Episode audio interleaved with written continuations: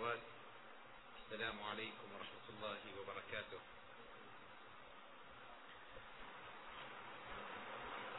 تحدثنا في الحلقة السابقة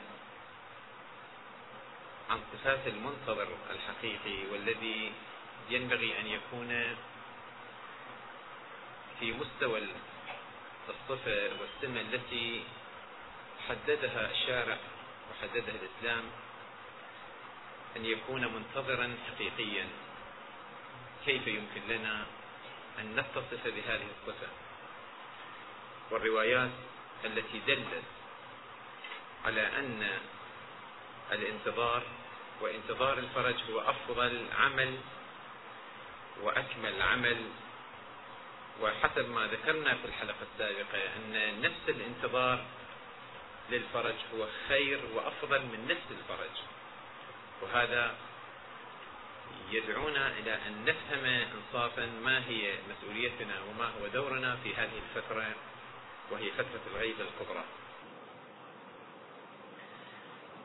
ذكرنا أننا بحاجة إلى أساس والأساس الذي نريد أن نبني عليه شخصيتنا الإسلامية التي تتمتع بصفة الانتظار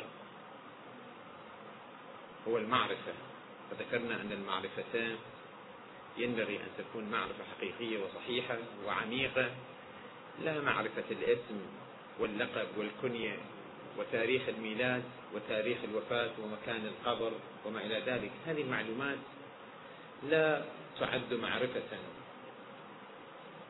بعض الأشخاص يقولون نحن الحمد لله كل شيء نعرف.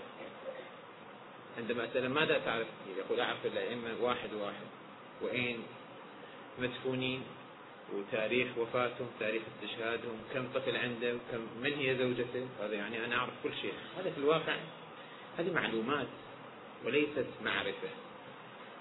المعرفة غير العلم والمعلومة. المعلومة هي مجموعة من الخصوصيات التي يمكن الإنسان أن يتمتع بها. من الطريف التقى بأحد الإخوة في الشارع. قال سيدنا أسألك سؤال. تفضل. قال زوجة الإمام الفلاني ما هو اسمها كما لاحظ قال كيف أنت لابس عمامة وما تعرف هذا الشيء. قلت له على أساس أنه أعرف كل هالأمور هذه أعتقد مو من مسؤوليتي أن أعرف زوجة الإمام الفلاني أو كم ولد عنده أو كم بنت عنده وكم صهر عنده عنده وكم عاش أو ما إلى ذلك. هذه المعلومات في الواقع لا تؤثر في صياغة الإنسان وإن كانت هي ذات أهمية بحد ذاتها ولكن لا تؤثر في صياغة الإنسان وتربيته وشخصيته. لذلك ورد على أنه حديث تدريه حديث تدريه خير من سبعين حديث ترويه الرواية شيء والدراية شيء آخر قيل أن فلان حفظ البخاري صحيح البخاري من الكتب المعتمدة عند أبناء العامة ويعتبرونه الكتاب الأول. قال فلان حفظ البخاري قالوا له نعم زادت نسخة في البلد.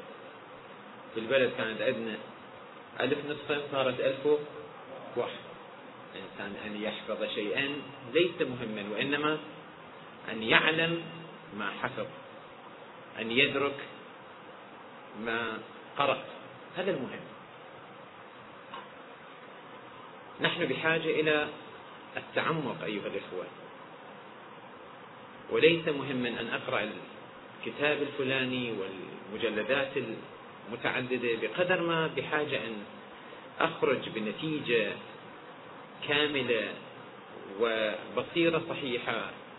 ونفس الوقت يكون عندي تقييم واضح عن الكتاب وعن المعلومات التي في الكتاب. الآن تكتب الكتب المختلفة وتدس فيها السم في العسل والإنسان قد لا يشعر أن هناك مغالطات في بعض المعلومات. في النهاية قد يختلط عليه الحابل بالنابل. القرآن أنا أعتقد يعني هالشكل ما مستقري يعني ما مراجع بشكل كامل. بس أن ما عندنا آية تدعو لحفظ القرآن. حفظ القرآن ما عندنا آية. وإنما آيات عندنا تدعونا للتدبر بالقرآن لمعرفة القرآن لتلاوة القرآن. أما التلاوة بالترتيل اللي في بعض صحاح اللغة أن الترتيل هو القراءة بفهم. أفلا يتدبرون القرآن أم على قلوب أقفالها أفلا يشعرون؟ أفلا يتدبرون؟ أفلا يتفكرون؟ هذه في الواقع كلها دعوة على أيها على أنه أيها الناس هذا الكتاب لم يوضع حتى نقرأ على القبور ويوم الثالث للميت وفي فاتحة الميت ويوم الأربعين. ونحن للأسف الشديد لا نعرف القرآن إلا في مناسبتين. في الوفاة وفاة أشخاص أعزاء وفي رمضان. إذا الله وفقنا أن نختم القرآن في رمضان. أليس كذلك؟ وهذا في الواقع ينبغي أن يغير يعني ينبغي أن تكون هناك برنامج أو برامج تغير هذه الطريقة في حياتنا ونكون مع القرآن في طريقة المعرفة وطريقة بناء شخصيتنا. وهذه أعتقد أعتقدها أنها اللبنة الأولى والأساسية التي ذكرناها يوم أمس. اليوم نتكلم عن المرحلة الثانية من مراحل مسيرة الانتظار. هي مرحلة التربية الذاتية. أيها المؤمنون أيتها الأخوات الكريمات عندما نسمع أنه من أفضل الأعمال للأمة هو انتظار الفرج الانتظار بأي معنى؟ هناك عدة تفسيرات. التفسير الأول أنه أجلس وأنتظر كمن ينتظر الموت. الذي ينتظر الموت المريض الذي ينتظر الموت ماذا يعمل؟ نذهب إليه نقول عافاك الله. يقول الحمد لله ولكن أنتظر عزرائيل يجيني والله سبحانه وتعالى يجي يأخذ امانه الذي ينتظر الموت هو مستسلم. هذا معنى وهو معنى سلبي جدا. معنى سلبي غير صحيح وباطل. هذا ليس انتظارا. هذا استسلاما. ونحن مدعوون للانتظار لا أننا مدعوون للاستسلام. المعنى الآخر للانتظار هو أن نعمل بدوامتنا الطبيعية في الحياة. تعرفون الإنسان في دوامة. ينام حتى يصبح ويصبح حتى يأكل ويشرب ويعمل حتى ينام وينام حتى يصبح. هذه الدوام الانتظار يعني أن نعمل ونكون ضمن الدوامة الطبيعية ولكن على أي حال إذا يوم من الأيام جاء الإمام نرحب به ونكون من مستقبليه هذا تفسير أيضا باطل وغير صحيح؟ وهناك تفاسير منحرفة وتثبيطية. تثبيطية يعني تجعل الإنسان محبطا يائسا منعزلا كي يقال أنه منتظر. تسمعون أو تقرؤون في بعض الكتب أن بعض الأشخاص كان عنده فرس وسيف كل يوم الصباح يرتب الفرس ويأخذ السيف ويجلس على الحصان ينتظر الإمام أن يأتي.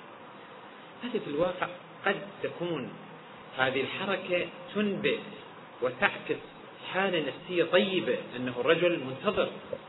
وكل يوم هو على استعداد أن يمتطي الفرس ويشهر السيف ويكون في خدمة الإمام. هذا جيد ولكن هل هذا هو الهدف؟ هو هذا أن أجلس على الفرس إلى الساعة عشرة الصباح أو 12 وبعدين أتعب وأنزل؟ هو هذا؟ يظهر كل هذه التفاسير غير صحيحة. التفسير الحقيقي للانتظار هو التربية للذات والاستعداد. استعداد بأي شكل؟ الاستعداد أن أكون مضيافا حقيقيا. ذكرت في مجلس من المجالس أو في مناسبة من المناسبات أنه أيها الإخوة أيها الكرام كلمة الانتظار أو الإنسان أن يكون منتظرا لشيء بحد ذاته تستبطن حالة من الاستعداد بساطا هكذا. لما أقول لك أنت منتظر شخص يعني مستعد إليه أنت على موعد تنتظر موعد معين يعني مستعد على أن يحيل أو يحين الموعد وتكون في من؟ في استعداد على أن تستقبل ذلك الموعد. الانتظار يعني الاستعداد. الانتظار يعني التوقع والتربص لذلك الوقت أو لذلك الشيء الذي تنتظره ننتظر شخصية هذه الشخصية من هي؟ إمام زماننا. إمام زماننا ما المطلوب منا في حال انتظاره؟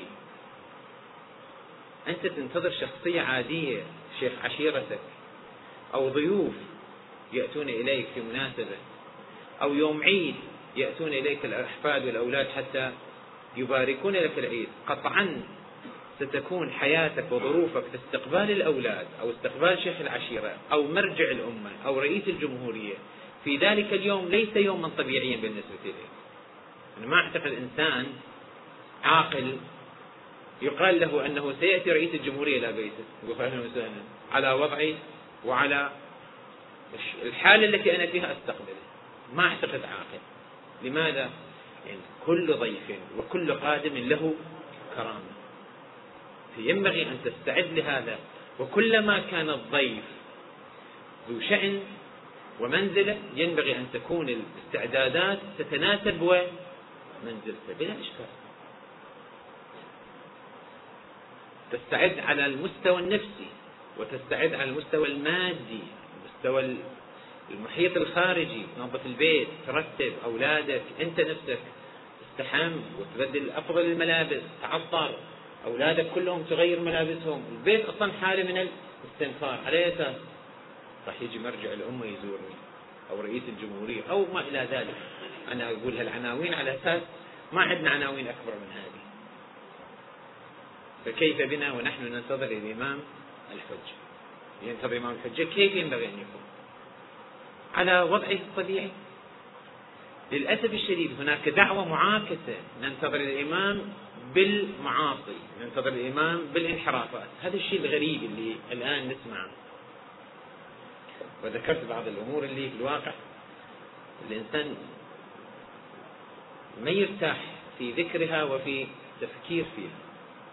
أنه تعالوا أكثروا الفساد حتى يأتي هذا هذا لا ينسجم مع الانتظار الطبيعي الانتظار الصحيح سمعت عن مجاميع يجلسون وبيدهم السبحة حتى ماذا؟ حتى يسبحون ماذا يقولون في تسبيحهم؟ اللهم لعن فلان اللهم لعن فلان لمن يلعنون؟ يلعنون الأشراف والعلماء والكبار والمراجع ليش اللعن؟ لماذا هذا اللعن؟ يقول هذا اللعن في الواقع يحفز الإمام يتأذى حتى يقوم يجي هذا أصلا قضية آه، قلت أولا ذكرها غير مناسب بس أريد أقول أيها الأخوة أيها الأصدقاء هذا الفلسفة المعكوسة أو المفاهيم المغلوطة التي الآن تشاع وتذاع في بعض المحافل أو في بعض الأماكن هذه انصافا مغالطة وضلال ونوع من التدجين الباطل لأذهان الناس. الانتظار الحقيقي هو تربية الذات تربية النفس. أن أكون مستعدا على كل المستويات أن أكون منتظرا للإمام أنت منتظر الإمام صلاة الصبح نصلي شلون منتظر؟ أنت منتظر الإمام سبعين بالمئة منها غيبة شلون أنت منتظر الإمام ولكن والدتك صار ثلاث أربعة أشهر أنت ما زايرها. شلون انتظار شلون صلة رحم؟ أليس هو الذي يأتي بهذه المفاهيم؟ لو مفاهيم أخرى. صافا بعض الأحيان واحد يقول يابا الإمام يجب نفس المفاهيم هذه التي تدعون إليه الآيات القرآنية أو مفاهيم أخرى. نفسها.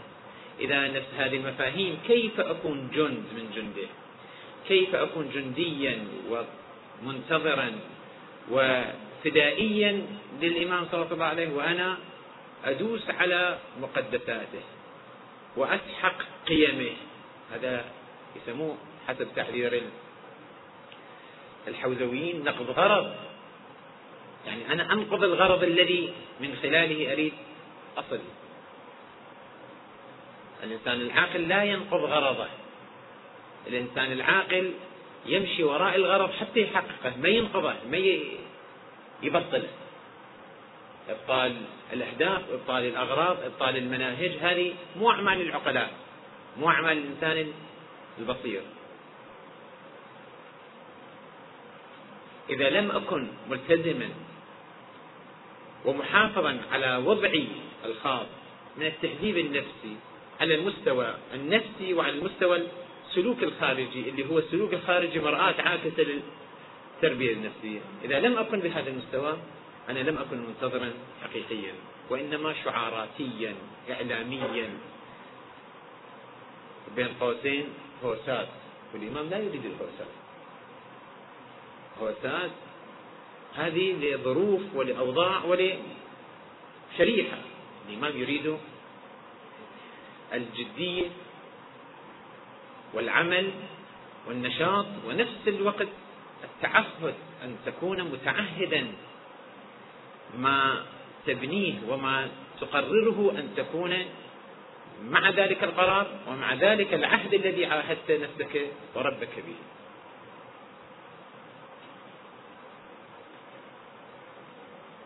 من المؤمنين رجال صدقوا ما عاهدوا الله عليه.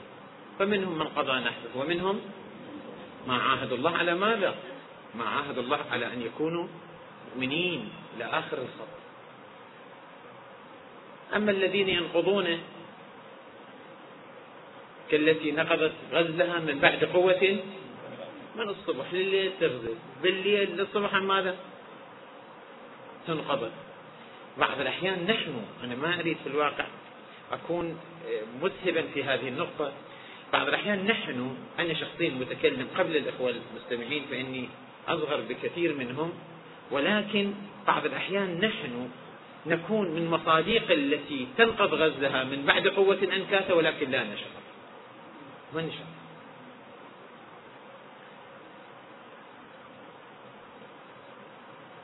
قد شخص أيها الأحبة شخص يهتدي به الكثير ولكن هو حطب جهنم هو نفسه.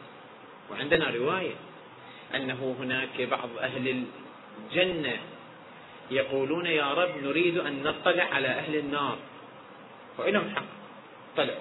شوفوا أهل النار شلون وضعهم. فيطلعون أهل الجنة على أهل النار فيرون من في النار اهتدوا به ووصلوا الجنة بسببه. يقول يا رب هذا هو الذي هدانا هذا الذي جعلنا من المهتدين بخطاباته بمحاضراته بكلامه. يقول نعم ولكن كان يقول ما لا يفعل. كبر مقتا عند الله أن تقولوا ما لا تفعلون وأنتن رائحة كما في الرواية كأنتن رائحة لأهل النار لشريحة. أهل النار كلهم رائحتهم نتنة أنتن رائحة لشريحة منهم وهم العلماء الذين لم يعملوا بعلمهم. موسوعة معلومات بس واقع ما أدري من باب النكتة أو من باب اللطيفة يقولون بس أنا هالشكل قاريها. أنه شخص كان على المنبر يتكلم إلى الناس أيها الناس أنفقوا. وإنسان لا يحصل على البر ولا يحصل على التقوى لا يحصل إلا بمن؟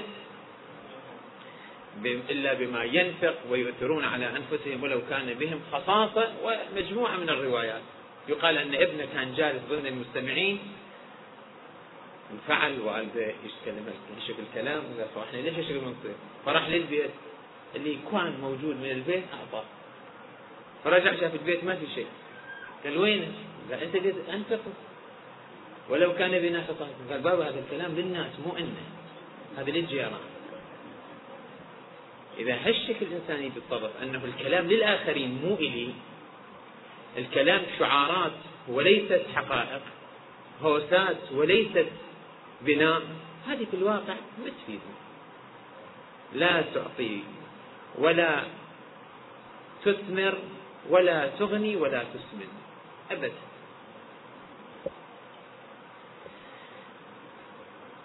هذه اللحظات التي نقضيها مع بعضكم ومع بعضنا البعض هذه اللحظات نحن محاسبون يوم القيامة عليها.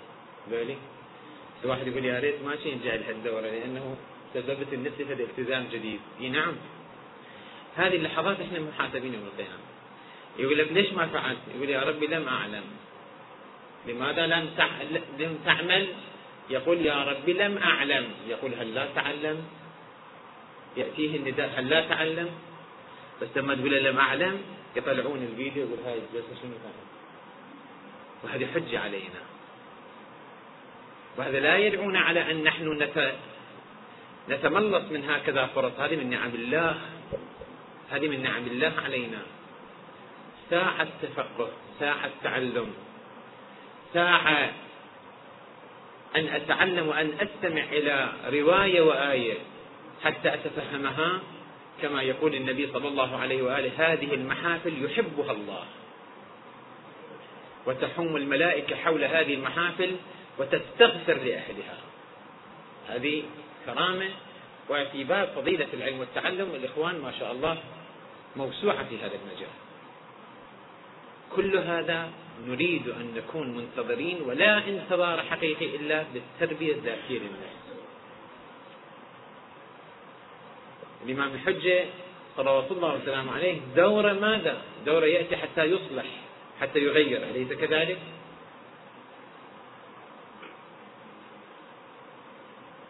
حتى يغير. أن يبسط العدل.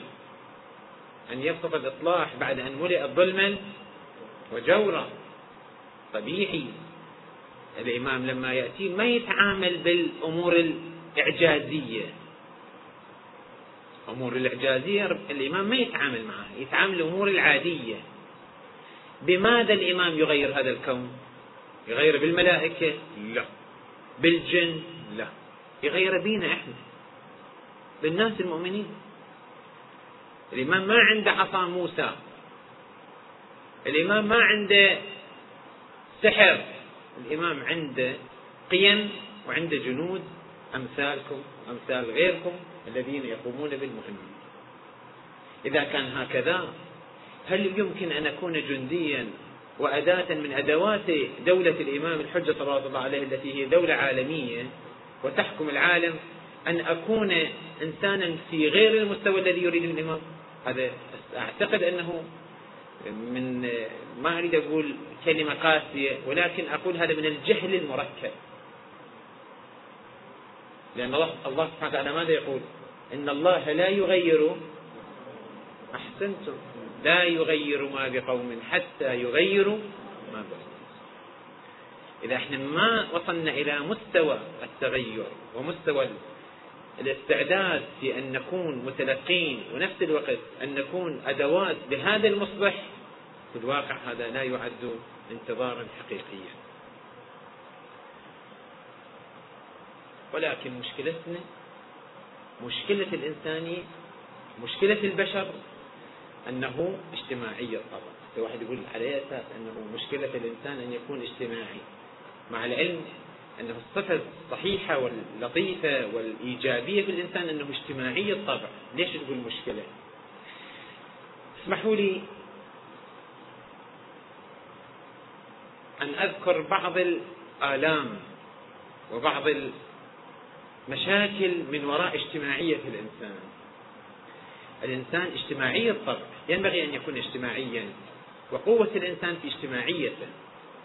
ولكن هذه الحالة الاجتماعية عند الإنسان وبال عليه. شايف إحنا الآن في الدول اللي غنية بالنفط ولكن النفط بالنسبة إلينا صارت وبالا وبلاء كل القوى تتقاتل على بلادنا وشعوبنا تعاني من الفقر. اجتماعية الإنسان عامل مهم وإيجابي ولكن نفس هذا العامل المهم والإيجابي هو وبال من أي جهة؟ من جهة التأثيرات السلبية في عملية التربية اسمحوا لي أبين هذا الشيء شوفوا إخواني أنا لو إنسان منعزل إنسان بعيد عن التعاطي الاجتماعي أي شيء اللي أنا أقرر لنفسي أن أقوم أصلي أقرأ القرآن أتعبد وأعمل العمل الفلاني و و و أنا ونفسي أنا ووضعي أطالع الكتاب الفلاني ألخصه أحضر محاضرة معينة وما إلى ذلك إلى الليل. ماكو مشكلة ماكو مؤثرات. ماكو مؤثرات تغير هذا البرنامج. وماكو مؤثرات تحبطني عن تنفيذ هذه البرامج. ولكن إذا أنا مع زوجتي أريد أعمل العمل الفلاني تجي الطالب طلب معين حتى ألبي ذلك الطلب. فراح أترك البرنامج اللي وضحت النفس إذا كان عندي أولاد أولادي عندهم ظروفهم وعندهم متطلباتهم الأخرى. تمنعني من أكون ماذا؟ أكون حسب البرنامج اللي وضحت النفس. ومشكلتنا الأدهى ليس الأولاد والزوجة والآباء والأمهات مشكلتنا العادات والتقاليد الاجتماعية. مشكلتنا العادات والتقاليد الاجتماعية. كثير من الأحبة يتصلون يقول سيدنا إحنا كنا في وضع خاص الآن قررنا نصير هالشكل. مثل وحدة تقول سيدنا كيس أنا سفور الآن الله هداني وتحجبت. بس لما تحجبت كثير من الأصدقاء كثير من الزميلات تركوني قاطعوني. وأنا أحس بضغط نفسي وأقرر أن أرجع إلى حالتي الطبيعية إذا اجتماعيتها صارت وبال عليها لو ما كانت عندها هكذا أقران وصويحبات وزميلات ما اتخذت هذا القرار السيء. جنابك أنت عندك مجموعة من الأصدقاء وعندك طريقة خاصة على أن تربي نفسك. أريد أروح فلان مكان أريد أروح أزور الحسين صلى الله عليه ليلة الجمعة. أريد مثلا أعمل العمل الفلاني أكو مجلس للدعاء مجلس للندوة علمية. ترى أن الصديق والصاحب وما إلى ذلك يبدأ يقول بعدين إن شاء الله. أنتم شنو؟ حسب تعبيرهم أنه خاش بالبريق هواية في حين أنه مو هالشكل بس هي التعابير هي السلوكيات هي التجاذبات الموجودة بين الأصحاب يجعلون الإنسان يخرج عن الطريق. ولذلك قال أمير المؤمنين صلى الله عليه يا بني الرفيق الرفيق ثم الطريق. الرفيق ثم الطريق.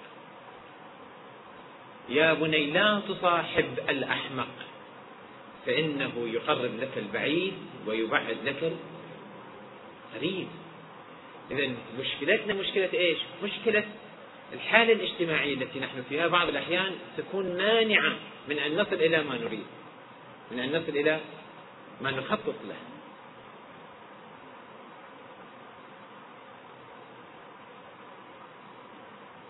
وللأسف الشديد البعض يقول سيدنا لو أصير انعزالي لو أصير اجتماعي فأنت اختار أيهما؟ أقول كن اجتماعيا انعزاليا. شلون اجتماعي انعزالي؟ يقول الإمام الصادق صلوات الله عليه كن في الناس ولا تكن مع الناس. كن في الناس ولكن لا تكن معهم. شلون مولانا أكون في الناس ولا أكون معهم؟ يقول نعم كن بحضورك الجسدي بمشاعرك العامة ولكن لا تكن معهم بتقاليدهم وأفكارهم وسلوكياتهم.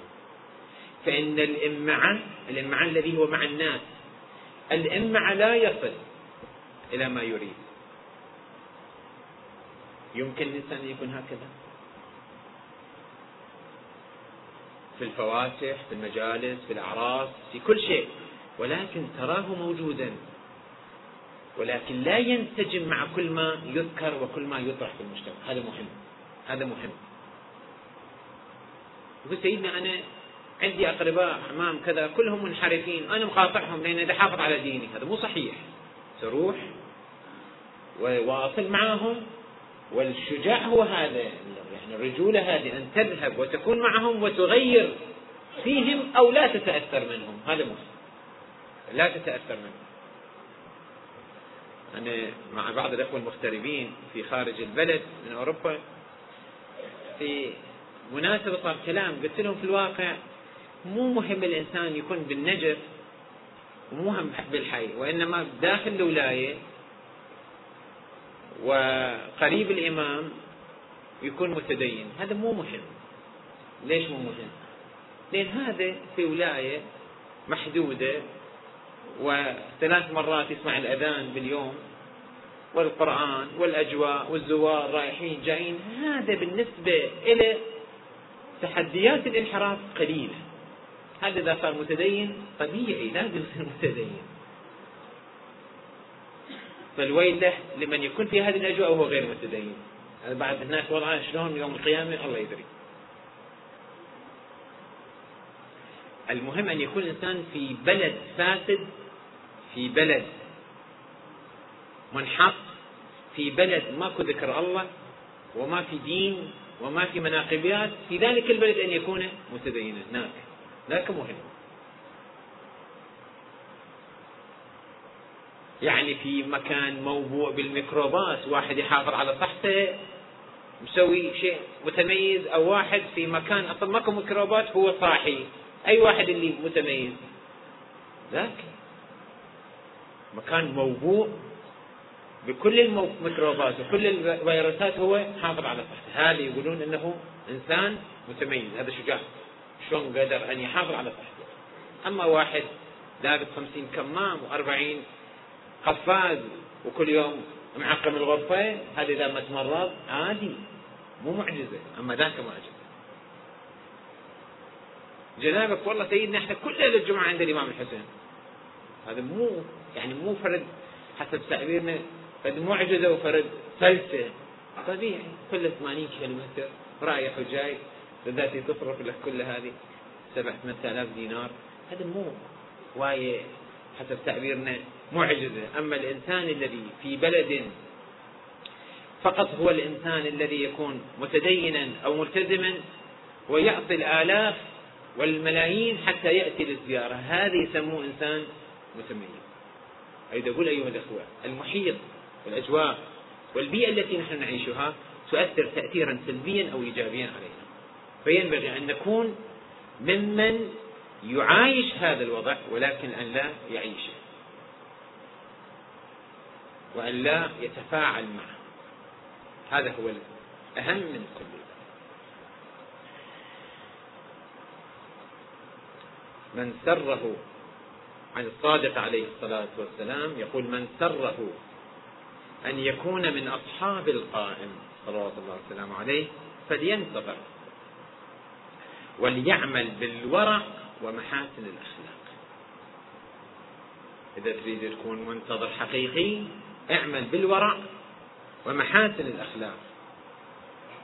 وهو منتظر. برنامج الطبيعي من الورع والالتزام والتقوى وهو منتظر. وهو منتظر فإن مات وقام القائم كان له من الأجر مثل أجر من أدركه فجدوا وانتظروا هنيئا لكم أيتها العصابة المرحومة. الانتظار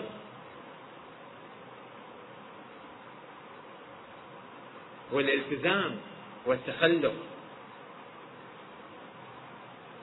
تربية. هذه أنا أعتقدها مرحلة أساسية جدا لأنه الإنسان إذا كان فاقدا للشيء أيها الإخوة لا يعطيه. فاقد الشيء لا يعطي بلا إشكال. إذا أنا إنسان غير ملتزم غير متدين ما أقدر أربي الآخرين وأجعلهم متدينين. هذا شيء طبيعي. فينبغي في المرحلة الأولى أن نربي أنفسنا وبعد ذلك نربي من حولنا من الأولاد والعائلة والمجتمع. ما أقول تعالوا يا جماعة البسوا عباءة وعمامة وصعدوا في المنا... على المنابر والمنصات. لا. كل واحد من عندنا أن يكون داعية وأن يكون مبلغ وأن يكون مربي من حيث ما هو. صدقوني أيها الإخوة في مدرسة في المدرسة المتوسطة اللي كنت أنا فيها هاي الخليل الآن موجودة أمور سمعتها من أساتذتي في تلك المتوسطة إلى الآن هي مغيرة حياتي وهي التي أثرت في مسيرة حياتي. ومدرس واحد مو كلهم مدرس واحد أكثر قد تلعب دورا أساسيا في تربية الشاب أو الشابة في المدرسة بكلمة واحدة. بنظرة واحدة. نظرة واحدة قد ينقلب الإنسان من حال إلى حال ببركة نظرتك ببركة اهتمامك. أنت كم طالب من طلابك؟ ما عليه؟ السلام عليكم. ها ولدي شلونك؟ اليوم شفتك ما مرتاح. كم طالب طلابك تدري هذا الطالب من لما يشوف أستاذه يتصل عليه ويسأل عنه راح يجعل هذا الأستاذ المثل الأعلى في حياته أكثر من والده لأن والده طبيعي لازم يسأل عنه لأن هذا من صلبه. أما أنت من يشعر أنه عندك هالشكل الاهتمام هذا راح تهيمن عليه تهيمن عليه بكل وجوده. أليس هذا هذه الدعوة؟ أليست هذه عملية تربية؟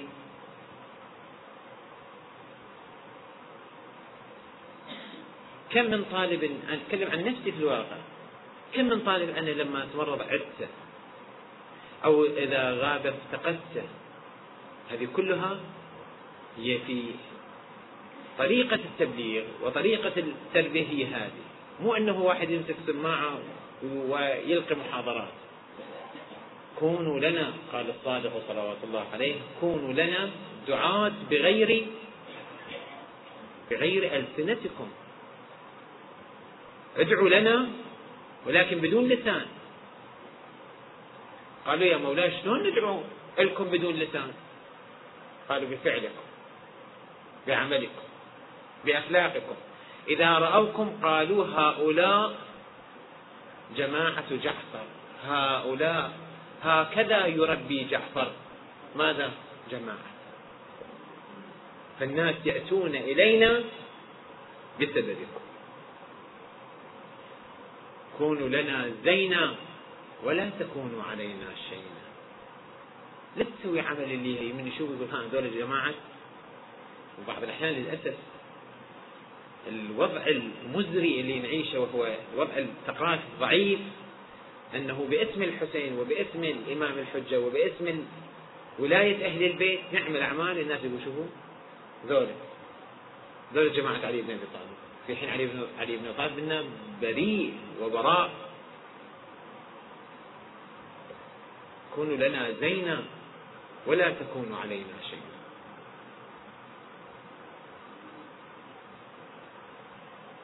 الدعوة والتربية سواء كان لأولادي هذا الذي قلت من باب اللطيفة أنه راح أعطى أثاث البيت باعتبار والدة تكلم بعدين قال له هذا الكلام للجيران مو إلنا هذا في الواقع أنا أعتقد هذا ضرب يعني حسب تعبيرنا القشة التي قصمت ظهر البعير يعني هذا نسف ابنه من الأساس. فهم ابنه أنه نحن ذو وجهين وذو لسانين.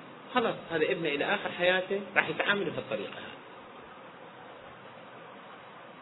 راح يتعامل بهالطريقة هذه. يدق التليفون الوالد موجود؟ يقول له يقول لا ما موجود. ما موجود. لا والله والدي ما موجود. هو والده موجود.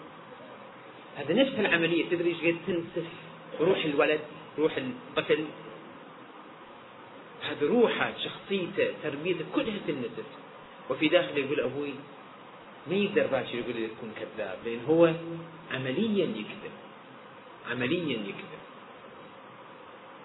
تربية الأولاد مو قضية محاضرة. تعاون.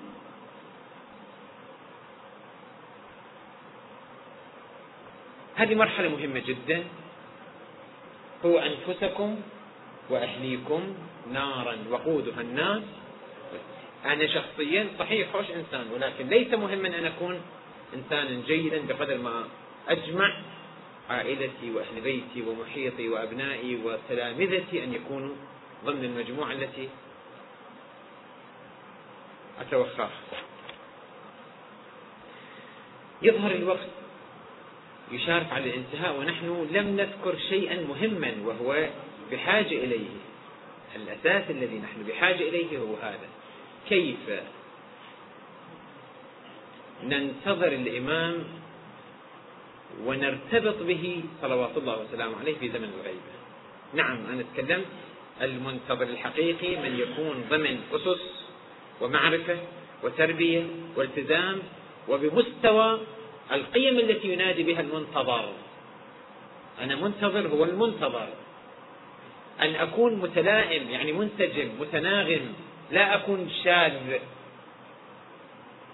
لا أكون أن المنتظر إلى صفات وقيم وأنا في وادي آخر غير تلك الصفات والقيم. هذا كان كلامي اللي هو أساس البحث. ولكن تقول عمليا سيدنا ماذا نفعل؟ حتى نرتبط به صلوات الله وسلامه عليه. أول أمر أيها الإخوة وهذا الكلام للمتكلم وهذه الأمور للمتكلم قبل الإخوة السامعين فنحن كلنا بحاجة إلى هذه النقاط التي سأسردها عليكم, عليكم بعجالة. الأمر الأول أن نعلم أيها الإخوة أن إمام زماننا أن المنتظر المهدي صلوات الله وسلامه عليه يطلع على كل أحوالنا. يعلم بكل أمورنا. محيط بها. كيف؟ هل عند قدرة الله هالشكل لا.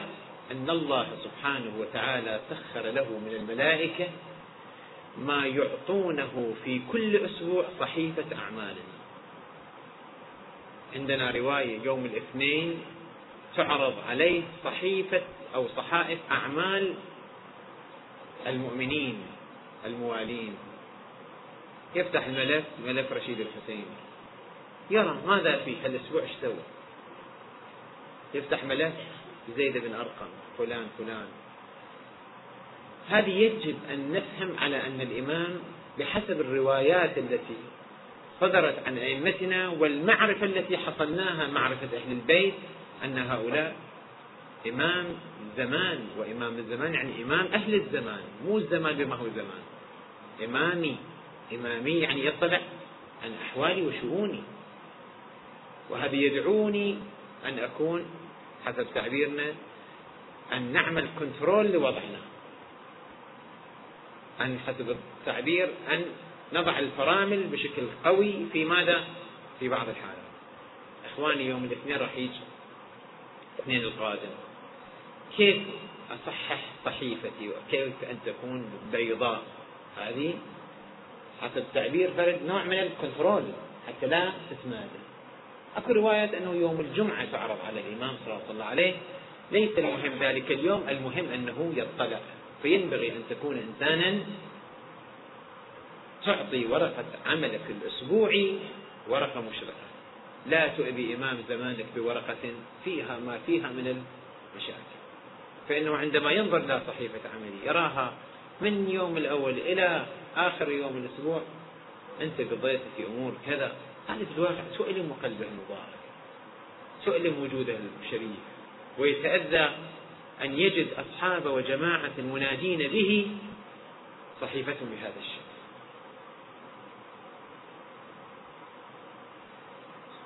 الارتباط يعني أن أعلم أن كيفية وطريقة هذا وكيف أتصرف معه إذا كان الرجل يطلع على ملفي وعلى كتابي ووضعي الأمر الثاني أيها الإخوة أن نتعهد معه كل يوم مر ولو مرة واحدة ولو مرة واحدة. نتعهد معه إما بالدعاء نتعهد معه إما بزيارة نتعهده بتجديد البيعة وإمام زماننا ونحن نبايعه ولكن تجديد البيعة كما ورد في بعض الروايات أمر مستحب ونفس الوقت له من الآثار العملية على حياة الإنسان. دعاء العهد ما أدري الإخوان شايفيه سامعين به.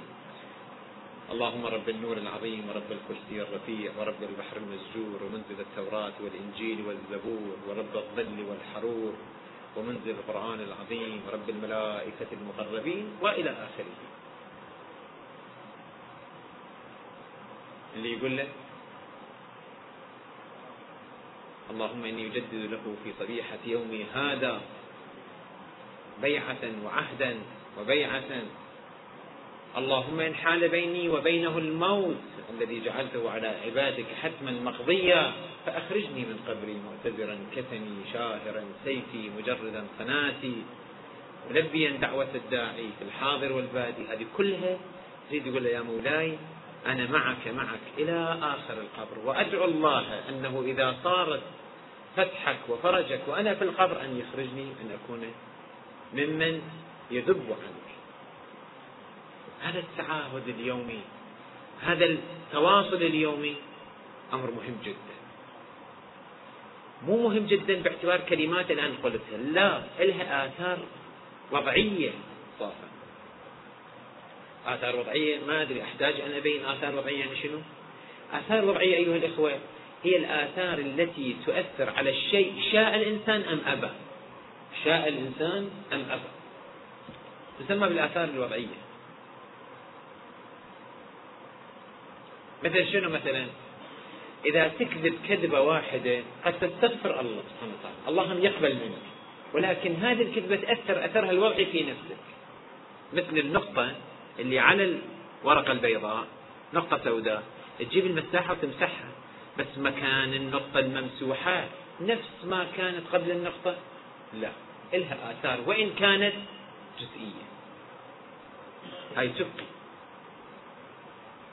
ولا يزول كل شيء أحد الإخوة يقول سيدنا اجاني يقول سيدنا أنا وين ما أخلي إيدي على الذهب يصير تراب شو أسوي أنا؟ عندي شهادة وعندي كذا وعندي كفاءة ومن عشيرة وكذا قلت له تصارحني لو ما تصارحني قال أصارحك له شو مسوي بحياتك؟ شنو مسوي بحياتك اللي تخلي إيدك على الذهب يصير تراب؟ قال شيئا قد مو مناسب اقوله معصية كبيرة مسويها قلت له هاي المعصية سلبت التوفيق في عمرك. توفيق راح. مع كل مؤهلات الموجوده شهادة نسب وحسب وضع بس التوفيق الله أخذه.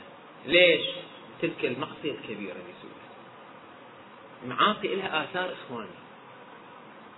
لذلك إحنا نقول أنه مثلا من وصل رحمه طول الله عمره ثلاثين سنة. على أي أساس؟ الله يبي هالشكل طريقتي طريقتي هالشكل أن أكو أمور أنا محرمها الإنسان إذا يفعلها يتأثر فيها تأثير سلبي شاء أم أبى. شاء أم أبى. هذا قضايا طبيعية. حتى لما تشرب الدخان لأول مرة راح ياخذك السعال بشكل قوي بلي على أي أساس؟ أنت ما تريد أن تفعل. ما تقدر تقح بس راح تقح على أي أساس؟ هذا وضع طبيعي. أنه شيء غريب دخل الرئة لازم ماذا؟ الرئة تتعامل معه تعامل غير طبيعي وهو بالسعال هاي يسموها آثار وضعية. آثار موجودة شئت أم أبيت.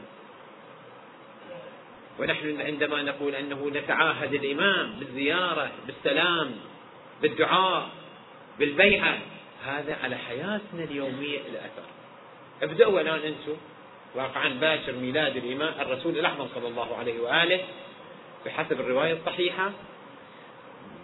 من يوم غد تقول أنا أعاهد الإمام الحجة أن كل يوم أقرأ دعاء العهد الصبح بعد صلاة الصبح أقرأ هذا صفحة وشوية لمدة سنة إلى ميلاد الرسول السنة القادمة صدقوني ستعرفون سترون ذلك اليوم البركات من حيث لا تشعرون. ليش؟ هذا هو هذا هو الوضع الطبيعي. هذا هو الوضع الطبيعي الذي يؤثره هذا الأمر. الأمر الآخر أنا ما أريد أسهب كثير الأمر الآخر الاستغاثة والاستعانة به باعتباره ولي الأمر. أنا ما أريد أقول الاستعانة بالإمام الحجة والاستغاثة به مع أن الله سبحانه وتعالى واحد يستعين بالله ويستغيث بالله. لما لا يستغيث بإمام زمانه؟ هذا ما يريد أقول أنه إحنا في الواقع لا نستغيث بالله نقول الطبيعي أن إمام الزمان وهو القائد وهو الولي نحن نذهب إلى ولي أمرنا إلى صاحبنا إلى حبيبنا. نطلب منه العون.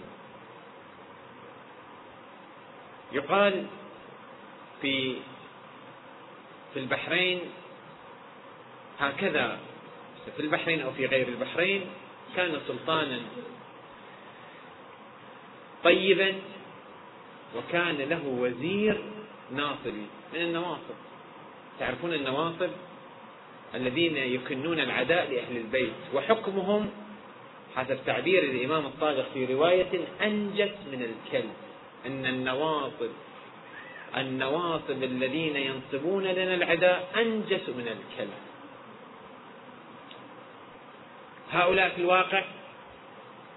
هذا الوزير فعل فعلا معينا وجاء برمانة إلى الملك قال له أنت هواي تحترم ذول الروافض الشيعة.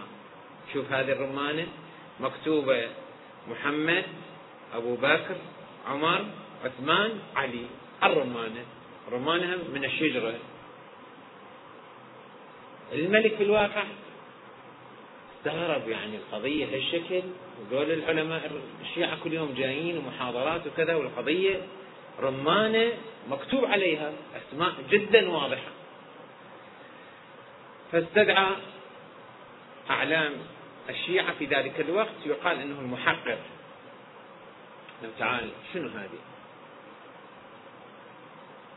في الواقع ما يعرف لها تفسير شو يسوي؟ قال مولانا كذا هاي الأمور قد تحدث. قال ما أدري تنطيني تفسير وإلا كلكم تبادون أو تصيرون سنة. فقال انطيني مهني ثلاثة أيام. مهني ثلاثة أيام.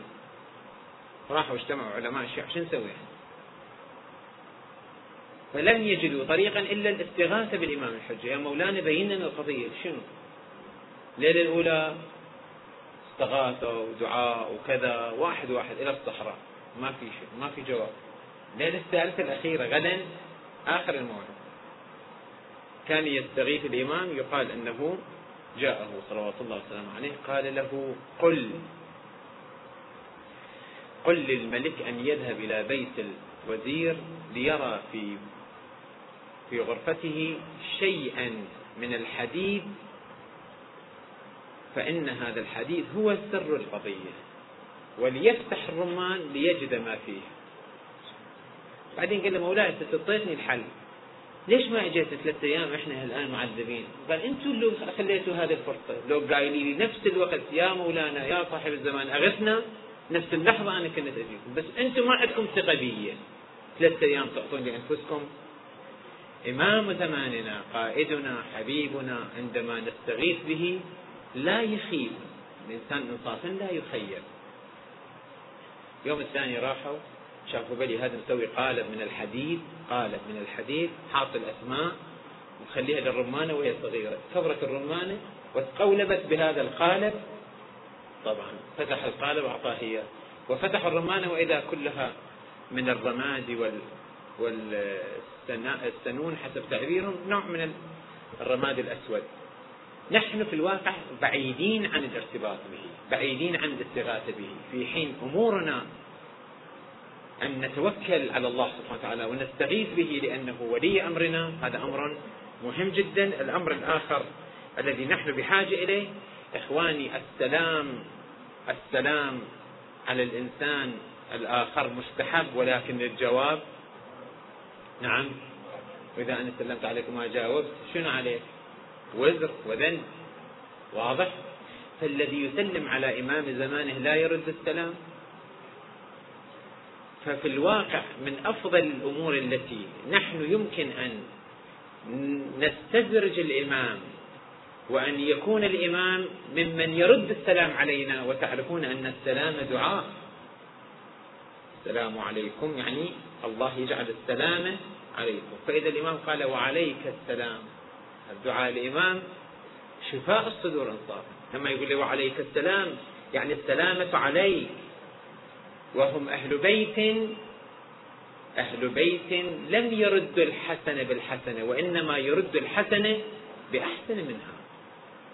يقول عليك السلام ورحمة الله وبركاته. رحمة الله عليك. فتعالوا كل يوم نسلم عليه. السلام عليك يا مولاي. يا صاحب الزمان عجل الله تعالى فرجك الشريف. هذا أمر في الواقع. أن نتصدق عنه مثل ما أتصدق عن أولادي وأهل بيتي أتصدق عن الإمام. لما أنا أعمل له الإكرام لما أعمل له الجميل الإمام ما يخيب يرد الجميل بمن؟ بأحسن منه. إذا أنا أتصدق عنه هو سيعطيني من التوفيق ويدعو الله أن يوفقني في عمري وفي أولادي وفي أهل بيتي وفي رزقي.